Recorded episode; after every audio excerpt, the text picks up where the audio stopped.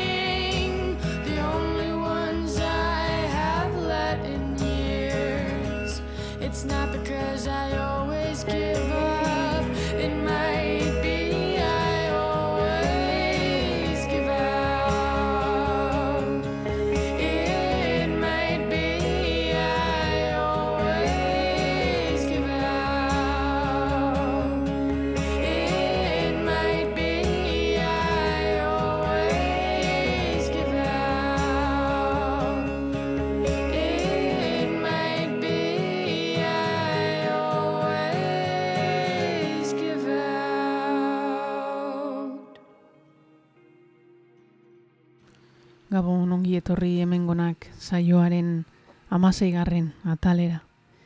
Iluntzeko amarrak dira, nahi zirratian gaude eta guztia bihartik aurrera podcastean entzun ahal izango zue. Egunetik egunera aurrera goaz, atzera egin ezinik. Naiz eta gehienok iragan ez oso urrun bat iruikatzen dugun behin da berriz.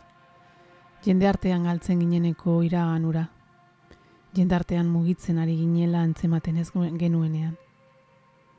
Mugituz, dantzan alazutik, kontzertu jendetsuak birpasatzen ditugu buruan, edo pantalla aurrean, inoiz olakorik itzuliko ote den aldetuz. Mugitzea, ariketa kolektibo mugatua bihurtu dena, antzinako askatasun pertsonalera itzuliko ote garen aldetuz gure herriko mendi eta inguruak kajoiak bailiran betetzeari utzi eta arnaz hartzen utziko aldiogu elkarri, irekitzen dizkigutenean. Gaurko saioa New Yorkiko, New Jerseyko sortzaile baten inguruan e, arituko naiz. Sharon Van Etten. Folk kutsua zuten bere hasierako lanek e, hitz eta soinu barnerakoi pertsonala adierazi bazuten ere. Azken urteetan indar izugarri hartu duen soinu pertsonalago bat eraiki du, elektronikak eh, lagunduta. Musikaria, aktorea, ekoizle lanetan jarduna, ikaslea eta ama. Ez dirudi Sharon baneten entzat mugarik eh, ezar dakiokenik, eta horrela miresten dugu bera. Izakera berezi eta malenkoniotxu horrek sortzen duen oro, ba, konfiantzaz eta dotoreziaz jantzten duenean. Pasio anitz eta kontrolatu baten sortzaile, Sharon Banetenek audientzia lehial bat landu zuen, 2000ko amarkadan, lehen amarkadan, bere disko isil eta biziekin. Bere kabuz, Because I Was in Love eta Epic kaleratu ondoren, hauek e, 2009an da amarrean, jarraian e, kaleratu zituen, Trump e, izeneko lana izan zen 2008an, Jaja Gugar e, diskoetxe edo zihilurako egin zuen debutak, e, entzulego zabalago baten arreta deitu zuenak.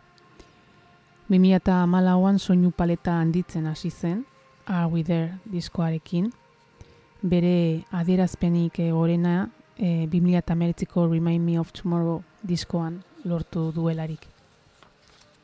Banetenek klarinetea, biolina eta pianoa ikasi zituen gitarran hasi baino lehen. Bigarren hezkuntzan hasi zen, e, abestiak idazten eta abes batza batean abestu, e, abestu zuen, Madrigals taldean. Bere abes batzen esperientziak musikalki idazten eta harmonia kantatzen ikasteko ezinbesteko txat jotzen ditu.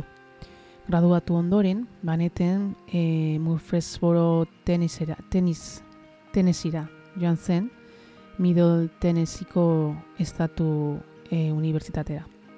Bertan grabaketa ikasi zuen, urte bete geroago utzi zuen arte.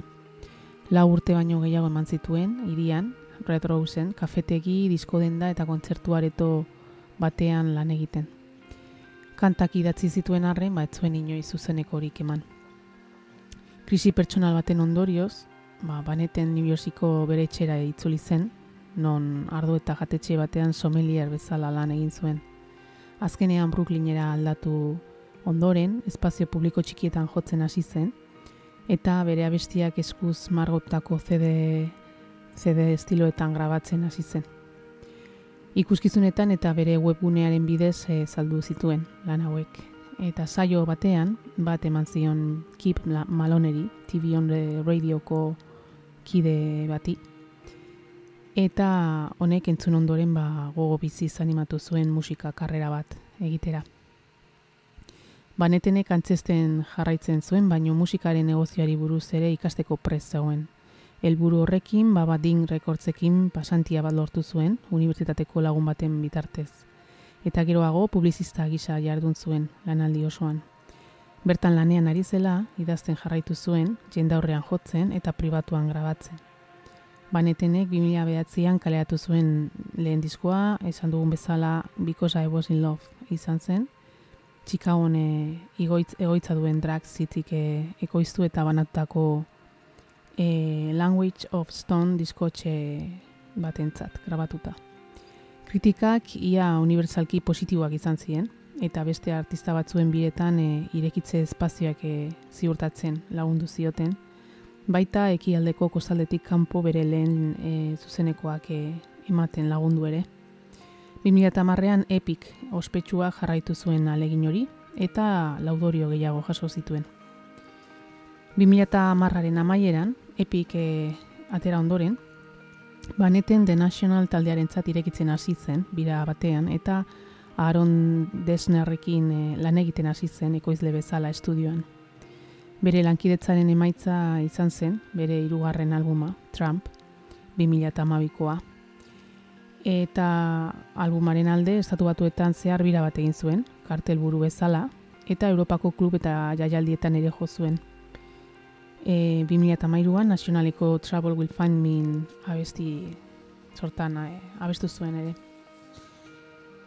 E, baneten estudiora itzuli zen, bere laugarren diskoa grabatzeko eta Stuart Lermanekin batera ikoiztu zuen Are We There 2008ko maiatzean e, kalaratu zuelarik. Urte horretako edo zein albumen kritikaren txalorik handinetako bat jaso zuelarik. 2008an I Don't Want to Let You Down filmarekin jarraitu zuen. Amaseian, banetekek, e, banetenek Rachelen paper hartu zuen Netflixen, e, Brit Marlin eta Sal Batmangilik de OA telesail surrealistan, eta horren urtean Skitter Davisen The End of the Wall abestiaren bertsioarekin lagundu zion soinu bandari. E, baneten 2000 eta emeritziko urtarrilean itzuli zen Remind Me of Tomorrowrekin, eta bueno, aurrerago azalduko dizuet diska honen inguruan. E, entzun dugun, hasieran entzun dugun abesti hau Give Out e, da, eta bere Trump e, disko e, potente horri ematen dio hasiera. Oso soinua akustikoa dauka eta ahotsan e, oinarritzen da gehien bat, ahots linea zoragarri horiek egiten ditu oso pertsonalak, bereziak eta bueno, berak bakarrik egin zaken e, ahots e, barnerako joiek. Eta, bueno, gero aipatuko dizuet Trump e, diskoa krisi pertsonal baten ondorioz idatzi zuen e, New Yorken dagoeneko eta eta oso esaldi ederra e, abesten du e, leloan eta esaten du you are the reason why I moved to the city and e, or why I mean to live. Horretu zuet horrela dela. E, zeuzara e, irira e, etorri nintzen e, nintzeneko arrazoia eta baita alde egingo mm, dudan e, horregatik itzul genezake. Olako zerbait oso oso ederra irutu zait. Eta hori entzun dugu eta aurrengo abestia entzungo duguna Serpents izenekoa ba, diskoaren e, e, bitxia niretzat oso, oso potentea da, oso indartsua. Eta izan ere diskoan egiten duen rockeroena e, esateko. Eta bueno, e, jarriko dizuet Serpents eta gozatu e, abesti hau izugarria da. Eta aukerarik baduzu ba ikusi zuzeneko on bat baitu abesti honen hainbat zuzeneko eta batzuko oso txarrak dira. Hasierakoak nahiko bera, bere jarrera nahiko nahiko pasiboa da, baina gero urteekin edo denboraekin hartzen duen indarra somatzen da hor, zuzenikoetan eta hotxe bai, disfrutatzen dugula Serpents, Sharon Baneten.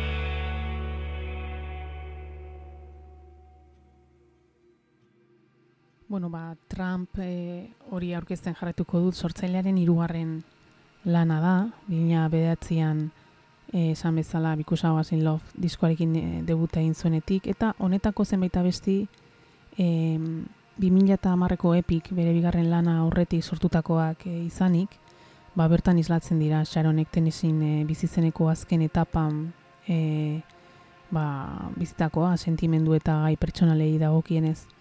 Orduan txe atzean utzi zuen, bikote harreman komplikatua eta New Yorkera itzuli zen, musikan oinarrituko zen etapa berri bat azteko prest.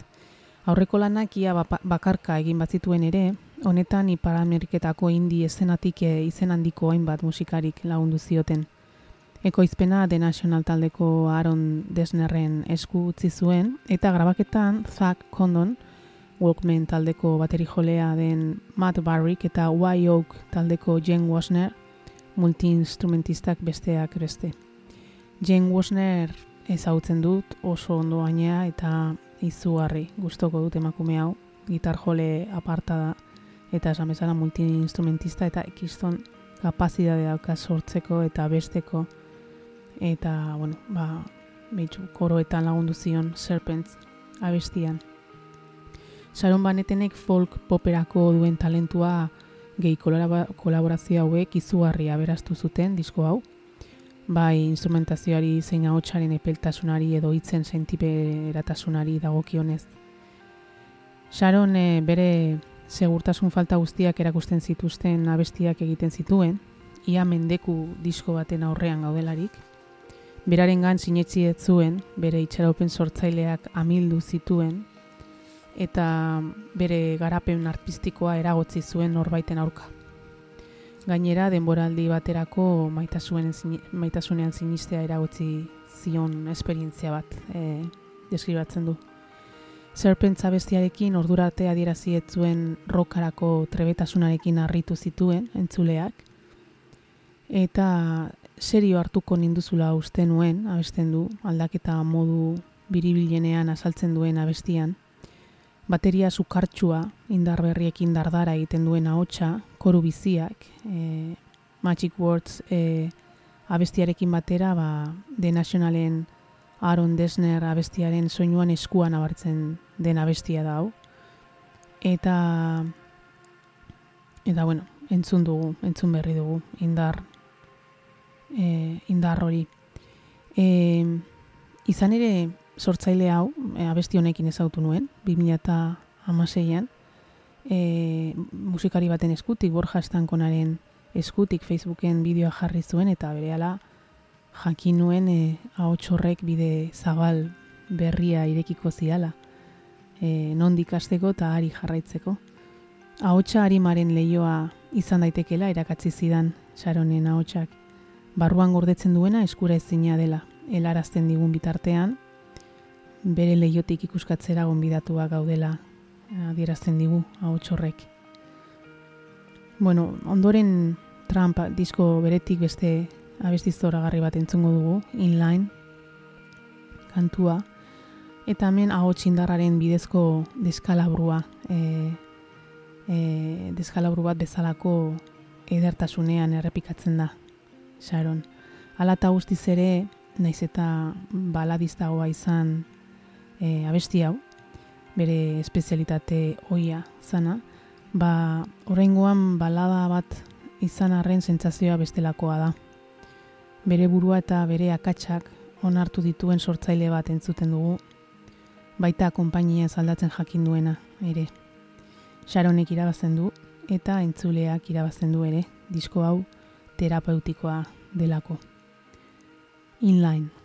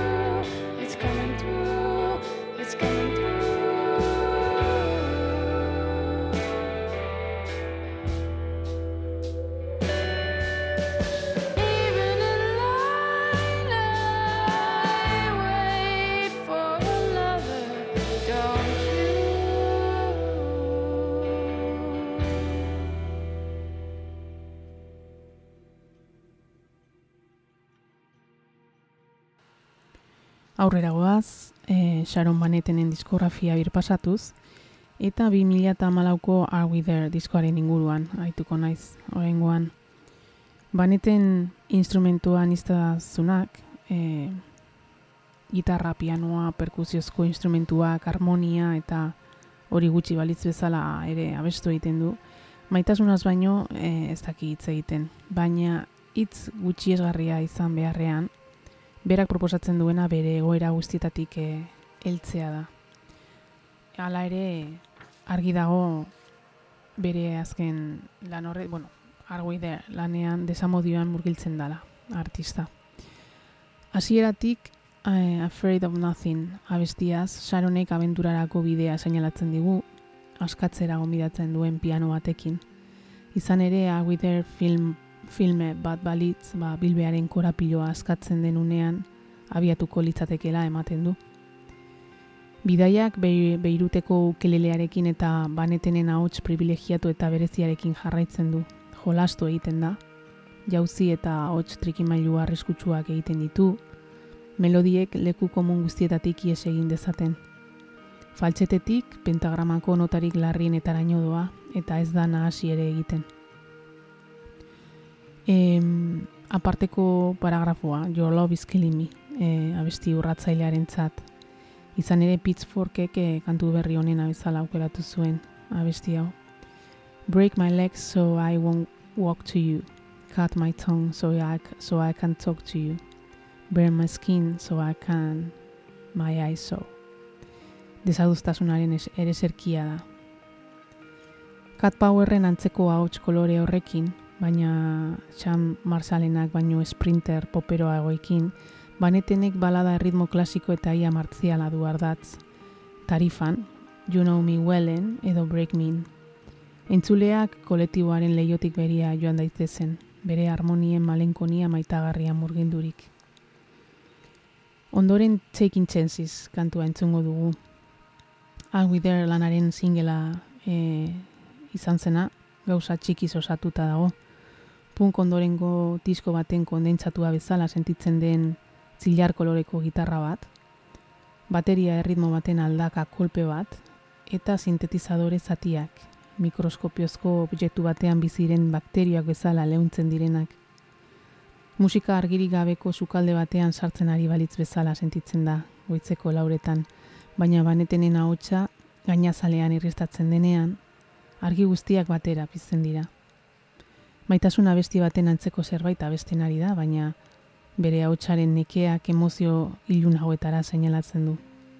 Beldurra, nekea, susmoak, ni ere arriskatu nintzen zurekin kantatzen du, eta esaldian inbertitzen duen asuntaz, astuntasunak, iradokitzen du norbaitek pentsatu zuela, arriskuak hartu zituela. Taking chances.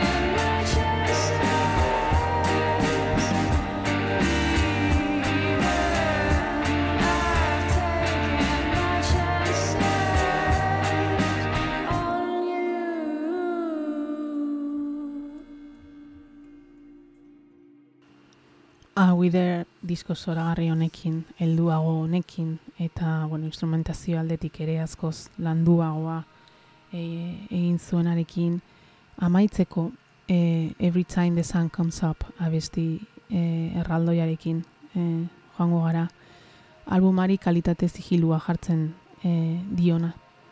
Itz zoragarri hauen bidez transmititzen digu zer den, emazte ernegatua izatea gizon baten itzalpean bizitzea eta konformatzea. Eguzki ateratzen den bakoitzean, arazotan sartzen naiz. Nire erritmoa zuretzat. Eutxi nire zaldiei pazientzia. Aizu gizon, trikimailuek ezin dute nire emozioak entzuteko itxaron.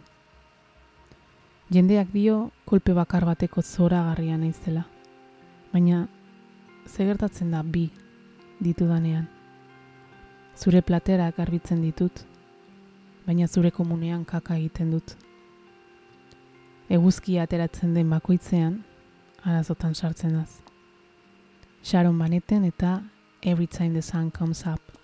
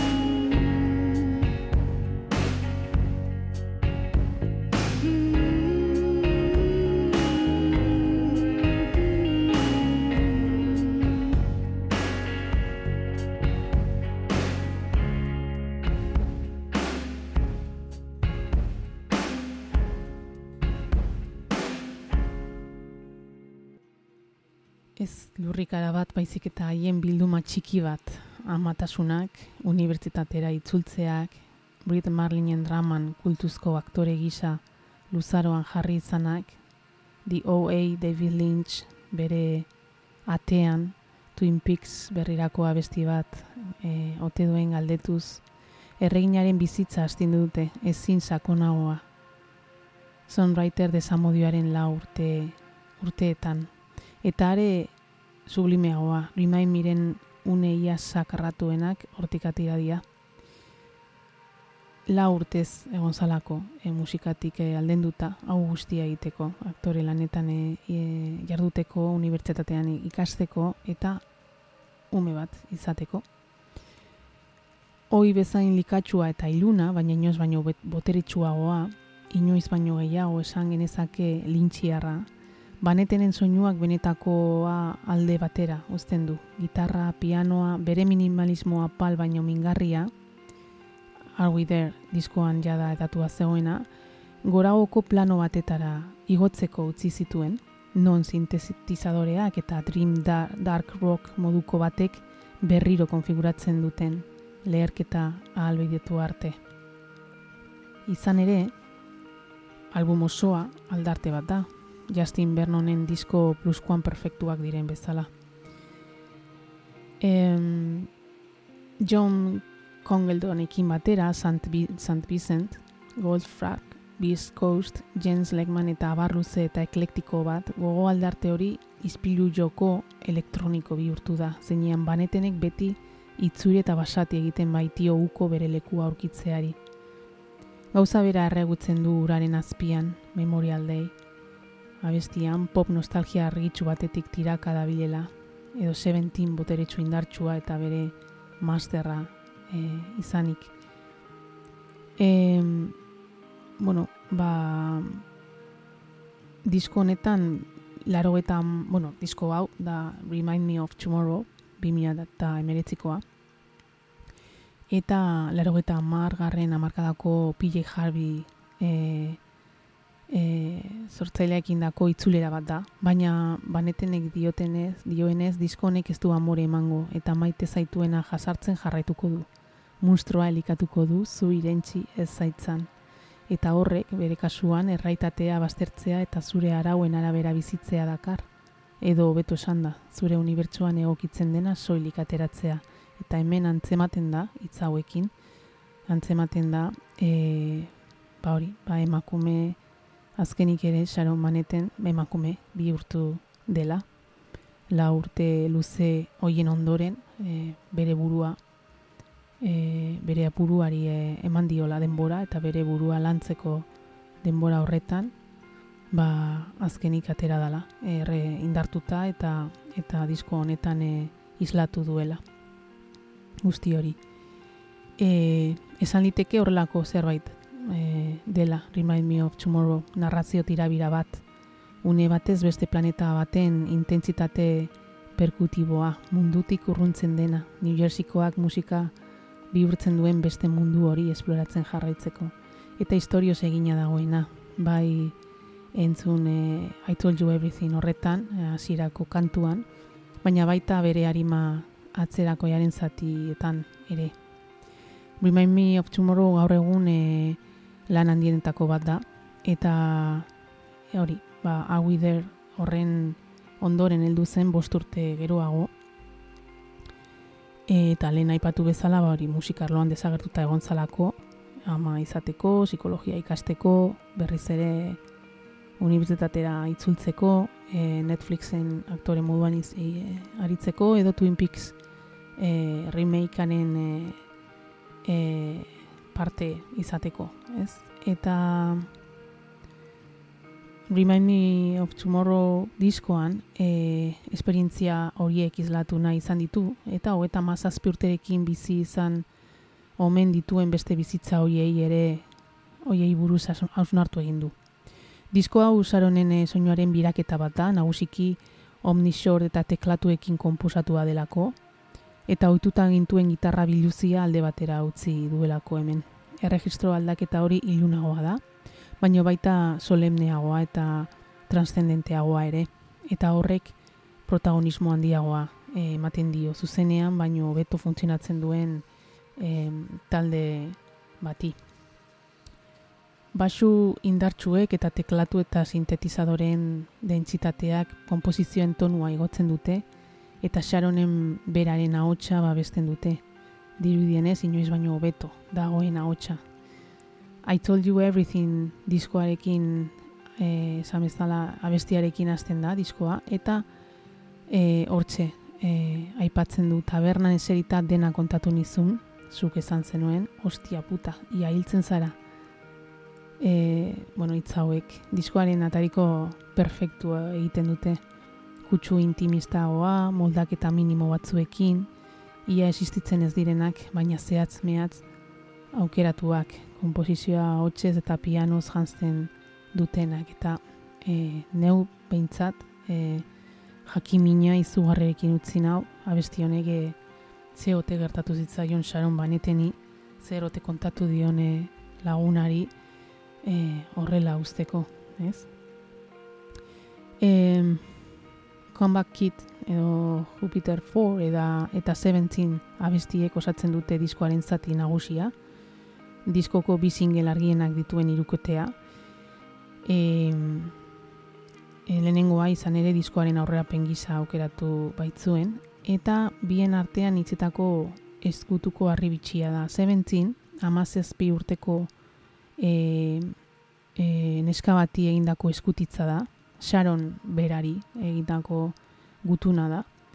Ez dadin adore gabetu eta aurrera egin dezan, egoerak e, garaitu ez dezan. Izan ere borrokan ari den hori lortzen e, amaituko du. Em, jarraian entzungo dugu, abesti puska hau. Eta esan bezala, ba, Sharonek bere iraganari amazazpi urterekin zen pertsonari egindako oiu oibel indargabe eta nostalgikoa e, ikusizko pieza magnetiko bihurtzen da. Sustantzia malenkoniatxu batek estalia, zeinak bere irudien tonua definitzen duen, eta azkenik gogo horrekin berarekin behatzen duena. Gaur egungo New Yorketik egindako ibilbide baten bidez, gaueko ikurrak, hori bideoklipan ikusten dugu, e, ba, e, pool pianos, bueno, pianos e, New Yorken dagoen e, taberna edo Union Pool bezalako musika templu eta dibertsio lokaletan e, aurkezten du bideoklipa eta birmoldatutako espazioak e, eta metroan egindako bidaia bakartiak islatzen ditu metro horretan, osea bideoklip horretan. Eta bertako eta kanpoko errealitatei buruz e, aritzen da berriz ere hiri esparruaren garrantzia e, emanez. E, kontzeptu horrek urratz bat aurrerago egitea erabaikitzen du. Sharon Baneten erabea interpretatzen duen aktore bat e, pantailaratuz eta horrekin batera zigorra, karrangurek eta nostalgia mingarriak mugiarazitako barne elkarrizketa hori biztaratzeko aukera ematen du sentimendu eta sentsazio horiek azkartuta daude, irigintzako liftin etengabean dagoen hiri batean eta denboraren igarotze konponezinean. Beraz, musikariaren eta neskaren hainbat bineta daude, baneten bien arteko talka animiko eta bizi horren irudikapen bisual gisa gain jartzen. Eta heldua, orainaldikoa, amazazpien aditu gabeari iraganarekin erruki gabeko etorkin baten berri ematen saiatzen da, aurkezten dio nolako izango da zure etorkizuna, hemendik ikusita. Kolore gris eta itzaliko paleta horrek, e, amasei milimetroko eundurak, bustitako guztia, basamortuko kalekuak erabiliz, udazkeneko eta neguko denboraldian aurkezten ditu bideoklipak. Eta abestiaren unerik unkigarriena, haren ahotsak ematen digu, e, oio ipurdia eta malkoak atera zizkidan entzun nuen lehen aldian e, oiu ikaragarri bat, botatzen duenean ahotsaren bitartez transmititzen duen malenkonia suharra, bere barne indar, goibeletik edertasuna ateratzea lortzen du. Erditik zeharkatzen zaituen oihu lazgarria botatzen du e, abestiaren erdian. Eta bideoklipan edo, bueno, e, diskoan e, ukitzen bazaitu e, imaginatu zuzenekoan. E, zuzeneko batzuk entzun ditut, abesti honenak, eta eta oihu hori botatzea altzen denean, baina izugarria da, nola ateratzen duen barruan duen e, guzti hori, eta nola ikuskatzen dugun bat, batean e, bere amazazpi urteko saroni adierazi nahi dion guztia, ez? Zer, sentiko, zer sentituko duzu, mina, deze, decepzioa edo maitasuna edo da hor dana oihu horretan e, konzentratzen du, izugarria da entzun dezagun 17 e, eh, abesti ederra.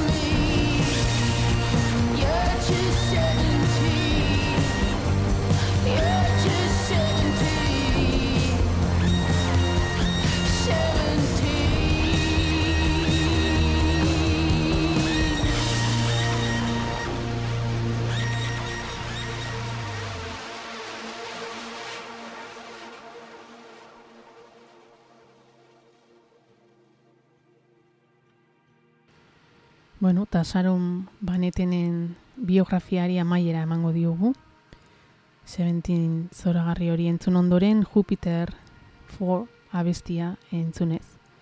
Jupiter 4 bere bikotekideari eta biek izan berri duten semeari eskainitako amodiozko abestia da, trinkoa, iluna eta transcendentea, zuzenean oso erakargarria, baina jasoa ematen du eta normalean kontzertuak irekitzen ditu abesti honek. Disko hau entzutean, laroge eta laroge eta margarren amarkaetako emakume sorta burura ege, ekartzen dit. Txikitan telebistan entzuten dituen emakumeak, e, bideoklipak edo edo inkluso televisión espainolako programa kuteraietan lekuzkan zeuden dibak ekartzen zituztenean. Haune hoiek gogoratu ditut. Jennifer Rushen Power of Love e, abestietako sintetizadoreak, edo Annie Lennoxek e, Eurythmicsekin e, Sweet Dreams abesten zueneko indarra eta berriz ere sintetizadoren e, presentzia hori. Eta eta disko, disko honetan e, ba hori, antzeman ditut ere. Sharon Banetenen lanak eta ibilbideak orokorrean emakume sortzaile baten bilakaera erakusten digun e, bidea bier pasatu dut. E, hasierako folk pop melodiotsu hori susurlatzen zuen gaztearen aurpegia izan ere fisikoki ere asko aldatu da, Sharon, izan bezala e, oso neska lotxatia eta barnerako ematen zuen eta nolako e, nola aldatu egin den azken zuzenekoetan ikusten dugun emakumeak irabazitako konfiantza eta esperintziari esker helarazten digun indarra. Eta e, autokonfiantza hori, ezta? Eta bide batez esango dut e, zalantza izpiri gabe, e, bueno, ba, bizitzan emakume batek bizi ditzaken esperintzien artean, e, bai e, fisikoak e, e, edo, edo mentalak, edo psikologikoak, edo, edo emozionalak, hainbat, hainbat bidai egin dizake emakume batek e, heldutasun eta autokonfiantza hori e, eskuratzeko, baino izpirik gabe amatasunak zer ikusi handia izan duela saronen bilakera ekin ez. E, horrela aipatzen du, horrela islatzen du Jupiter 4 e, abestian, eta abesti horrekin, uzten zaituztet. E, beti ere lotara sartzeko, doinu epel eta oso batekin, utziko zaituztet. Bi aste barru itzuliko gara, naiz irratian, iluntzeko amarretan. E, Euskal musikari baten elkarrizketarekin itzuliko naiz, orduan. Eta bitartean ba aurrera jarretuko dugu, esan bezala atzera ezin dugulako egin. Eta eguneroko mugatu hau e, errepikatuko dugu, behin eta berriz altxorrik preziatuena bihurtu zaizkigun izketaldietan, ba, kafeak eta e, kafeak, e, eskuak eta bihotzak berotzen dizkigularik. E, aur, gabon eta xaronekin, usten zaituztet, Jupiter 4.